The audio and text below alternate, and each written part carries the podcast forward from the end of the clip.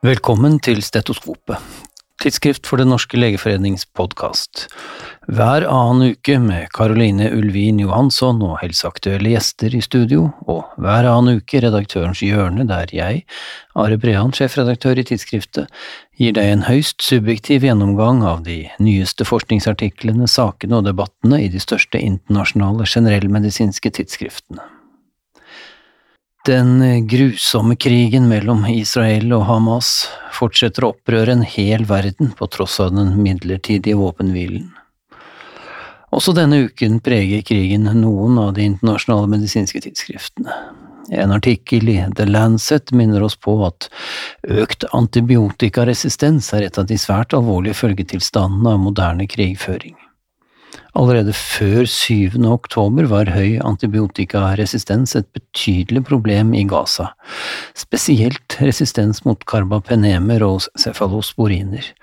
Og nå bidrar et høyt antall skadde, dårlige sanitære forhold, høy forekomst av forurensede sår fra granatsplinter og annet metall, samt et generelt forurenset miljø til at problemet eskalerer ytterligere, med store konsekvenser både for de akuttskadde her og nå, og får videre mulighet til å begrense og stoppe infeksjoner også etter krigen. Samtidig fører det generelle kaoset som råder, den akutte mangelen på utstyr, rent vann, forbindingssaker og tilgang til laboratorietjenester, til at infeksjons- og resistensovervåkingen har brutt fullstendig sammen. Også i The Lancet publiseres nå en serie artikler med temaet medisin, nazisme og holocaust. Denne historiske serien ble utlyst, planlagt og skrevet lenge før Hamas-angrepet som startet krigen 7. oktober. Likevel er det som ved en skjebnens tilskikkelse at den kom nå, med seriens innebygde advarsel mot dehumanisering og folkemord og sin oppfordring til å bevare medisinens etos, og oppfordring til helsepersonell om å si tydelig fra når det er nødvendig, slik også redaktørene for serien skriver. Lancets sjefredaktør, Richard Horton, har for øvrig også skrevet en svært god lederartikkel som akkompagnerer serien, en lederartikkel som oppfordrer til humanitet fremfor alt. Det er vel ikke tvil om at han var mer heldig med den enn med den kanskje noe uoverveide lederartikkelen han publiserte 27. oktober, og som har fått mye kritikk for å være i overkant ensidig stillingstagende til de mer politisk betente sidene av eh, konflikten. Vi skal gjøre et langt tematisk hopp over til nytteverdien av og opprinnelsen til nye medikamenter. En studie nylig publisert i Yama Internal Medicine har tatt for seg alle nye medikamenter introdusert på det franske markedet mellom 2008 og 2018. Forskerne finner at 73% av de over 600 ulike medikamentene har sin opprinnelse i kommersielle legemiddelfirmaer, mens bare 27% kommer fra akademiske forskningsmiljøer. Ved å bruke kriterier for klinisk nytte utviklet av det franske Autorité de Santé, rangerte de medikamentene etter klinisk nytte og fant at de fleste nye medikamenter ikke gir noen klinisk nytte av betydning. Men at blant de medikamenter som ga klinisk nytte, var det en klar overvekt av medikamenter utviklet av akademia, ikke av industrien. Eller, som forskerne selv konkluderer, selv om industrien finner opp nesten tre ganger flere medisiner enn akademia, gir medisinene med opprinnelse i akademia bedre klinisk nytteverdi. Det er funn til ettertanke. Og apropos medikamentbruk. En diagnose som virkelig har fått mye medikamentell medvind, for å si det på den måten, det er ADHD. Flere studier har imidlertid vist at medisinene som brukes i behandling av ADHD kan øke blodtrykk og hjertefrekvens men langtidseffekten av dette er uklare, og særlig hvorvidt bruken kan øke risikoen for manifest hjerte-karsykdom. En eh, ny studie fra Sverige, nylig publisert i Yama Psychiatry, har sett nærmere på dette. Studien var en case control-studie av over 278 000 individer mellom 6 og 64 års alder, som enten fikk en ADHD-diagnose eller fikk utskrevet medikamenter mot ADHD mellom 2007 og 2020. Alle disse utgjorde til sammen en kohort som hadde en eksponering for ADHD-medikasjon i opptil 14 år. Og i studien viste det seg at lengre kumulativ varighet av ADHD-medikamentbruk signifikant var assosiert med økt risiko for hjerte-karsykdom, spesielt for hypertensjon og arteriesykdom, sammenlignet med ikke-bruk. Og i løpet av de maksimalt 14 årene som designet ga mulighet til å studere, så det ut til at hvert ekstra kumulativt år med medikamentbruk ga en 4% økning i risikoen for hjerte-karsykdom i snitt men dog slik at risikoen økte mest de første tre årene av bruken. Med andre ord, pasienter som bruker medikamenter mot ADHD bør monitoreres for hjerte-karsykdom, og fordelene må som alltid avveies mot ulempene og risikoen, mens vi venter på ytterligere langtidsdata. Når vi først er i gang med hjerte-karsykdom, å redusere saltinntaket er nyttig hos hypertensive pasienter, men hvor stor er effekten ved høyt blodtrykk, og hos hvem? Det har en liten, men svært god studie nylig publisert i Yama eh, studert nærmere. Studien inkluderte 213 personer mellom 50 og 75 års alder, omtrent like mange av hver med enten normalt blodtrykk, medikamentelt behandlet hypertensjon, utilstrekkelig behandlet hypertensjon eller ubehandlet hypertensjon. Median natriuminntak per dag før intervensjonen var 4,5 gram, noe som for øvrig er langt over Verdens helseorganisasjons anbefaling på 2 gram daglig.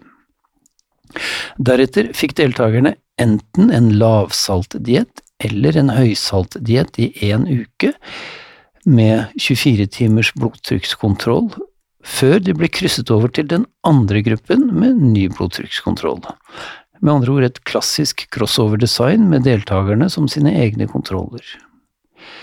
Ved å kutte ned saltinntaket med én teskje om dagen, altså 2,3 gram natrium, oppnådde lavsaltgruppen en median reduksjon i systolisk blodtrykk på 6 millimeter kvikksølv og sammenlignet med seg selv som kontroll hadde lavsaltgruppen hele 8 mm kvikksølvreduksjon sammenlignet med sin egen høysaltuke. Alle så ut til å ha nytte av å kutte ned på saltet, uavhengig av alder, kjønn, baseline blodtrykk, hypertensjon, diabetes eller kroppsmasseindeks, og effekten var interessant nok sammenlignbar med standard medikamentell førstelinjebehandling. Så salt ser altså, litt uærbødig sagt, ut til å være for hypertensjonspasienter det sukker er for diabetes type 2-pasienter. Vi skal over til effekten av regional lymfeknutestråling ved brystkreft. Slik stråling har helt siden 1960-tallet vist øh, å bedre, i alle fall mulig bedre overlevelse og minske residivrisiko. Imidlertid har bestrålingen blitt betydelig mer målrettet de siste ti årene. En stor metaanalyse nylig publisert i The Lancet har søkt å sammenligne effekten av regional lymfeknutebestråling i studier startet før 1989 med nye studier. Til sammen 16 studier ble inkludert. Disse hadde individuelle data for til sammen over 14 000 pasienter. I studiene som ble startet etter 1989, var estimert absolutt reduksjon i 15 års brystkreftmortalitet ved regional lymfekutebestråling 1,6 for kvinner uten positive aksillære lymfeknuter. Reduksjonen var 2,7% for kvinner med 1–3 positive lymfeknuter, og reduksjonen var hele 4,5% for de med fire eller flere. I de åtte studiene som startet før 1978, hadde bestrålingen ingen effekt på brystkreftmortaliteten, men stråling økte totalmortaliteten etter 20 år i disse gamle studiene. Og hva gjenspeiler så dette? Jo, for det første at regional lymfeknutebestråling ikke bare har blitt mer moderne, men også har blitt effektiv og trygg, slik også Mark Levine konkluderer med i en korresponderende kommentarartikkel i The Lancet. Så til en interessant studie publisert i British Medical Journal denne uken. Studien er interessant ikke bare på grunn av resultatene, men også fordi selve problemstillingen er høyst original, nemlig spiller det noen rolle for overlevelsen med kirurgi hvorvidt kirurgen og pasienten er av samme kjønn? Studien er en retrospektiv observasjonsstudie utført i USA, og forskerne har samlet data fra større både elektive og akutte operasjoner foretatt hos pasienter i aldersgruppen 65 til 99 år fra 2016 til 2019.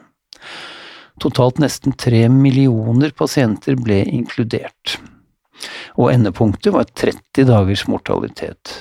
Og Kanskje ikke overraskende, men likevel kjekt å vite, mortaliteten var den samme, enten kirurgen var kvinne og pasienten mann, kirurgen var mann og pasienten kvinne, eller om begge var av samme kjønn.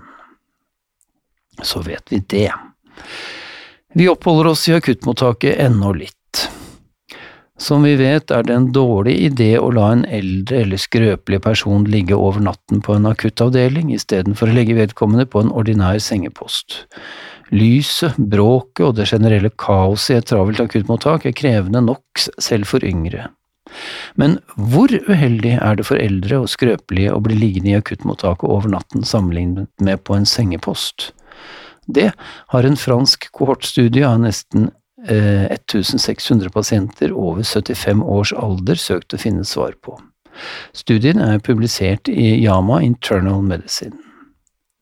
De eldre som tilbrakte en natt i akuttmottaket, hadde, sammenlignet med de som ble lagt på sengepost før midnatt, i denne studien signifikant høyere 30 dagers mortalitet, 15,7% mot 11,1% De hadde økt risiko for flere typer uønskede hendelser som fall, sykehusinfeksjon, hjerneslag og liggesår, og de hadde lengre sykehusopphold nærmere bestemt ni dagers opphold mot åtte dagers opphold i sengepostpasientene. Ikke overraskende hadde de mest skrøpelige pasientene høyest risiko for negative utfall. Resultatene er svært interessante også med tanke på at norske sykehus fortsatt bygges altfor små med mangel på sengeplasser og opphopning i akuttmottak og korridorer som resultat. Her er altså en tallmessig bekreftelse på at slikt øker både sykelighet og dødelighet. En tilsvarende studie hadde vært interessant å se i en norsk kontekst. Til sist i dag en studie publisert i Brain og nylig referert i Science. Bakgrunnen er det allerede kjente fenomen at mennesker med Alzheimers sykdom har endringer i sitt mikrobiota i tarmen. Men hva gjenspeiler egentlig dette, er det en årsak, eller er det et resultat, eller er det bare en samvariasjon? Det er foreløpig ukjent. I denne studien tok forskerne tarminnhold fra Alzheimer-pasienter i ulike stadier av sykdommen samt fra friske kontroller, og transplanterte dette til tarmen på laboratorierotter uten eget eh, mikrobiota. Og voilà, rottene som hadde fått tarminnhold fra Alzheimer-pasienter, utviklet hukommelsessvikt som er typisk for svekket nydannelse av celler i hippocampus. Og denne svekkelsen var størst hos de rottene som hadde ta fått tarminnhold fra de sykeste Alzheimer-pasientene. Med andre ord, tarmmikrobiota ser ut til å spille en rolle i utviklingen av Alzheimers sykdom. Kanskje ser vi konturene av et mulig fremtidig angrepspunkt for forebygging og behandling, men frem dit er det nok svært mange år, mange nye forsøk og høyst sannsynlig også mange forskningsmessige skuffelser, men følg med likevel. Og vi høres neste gang.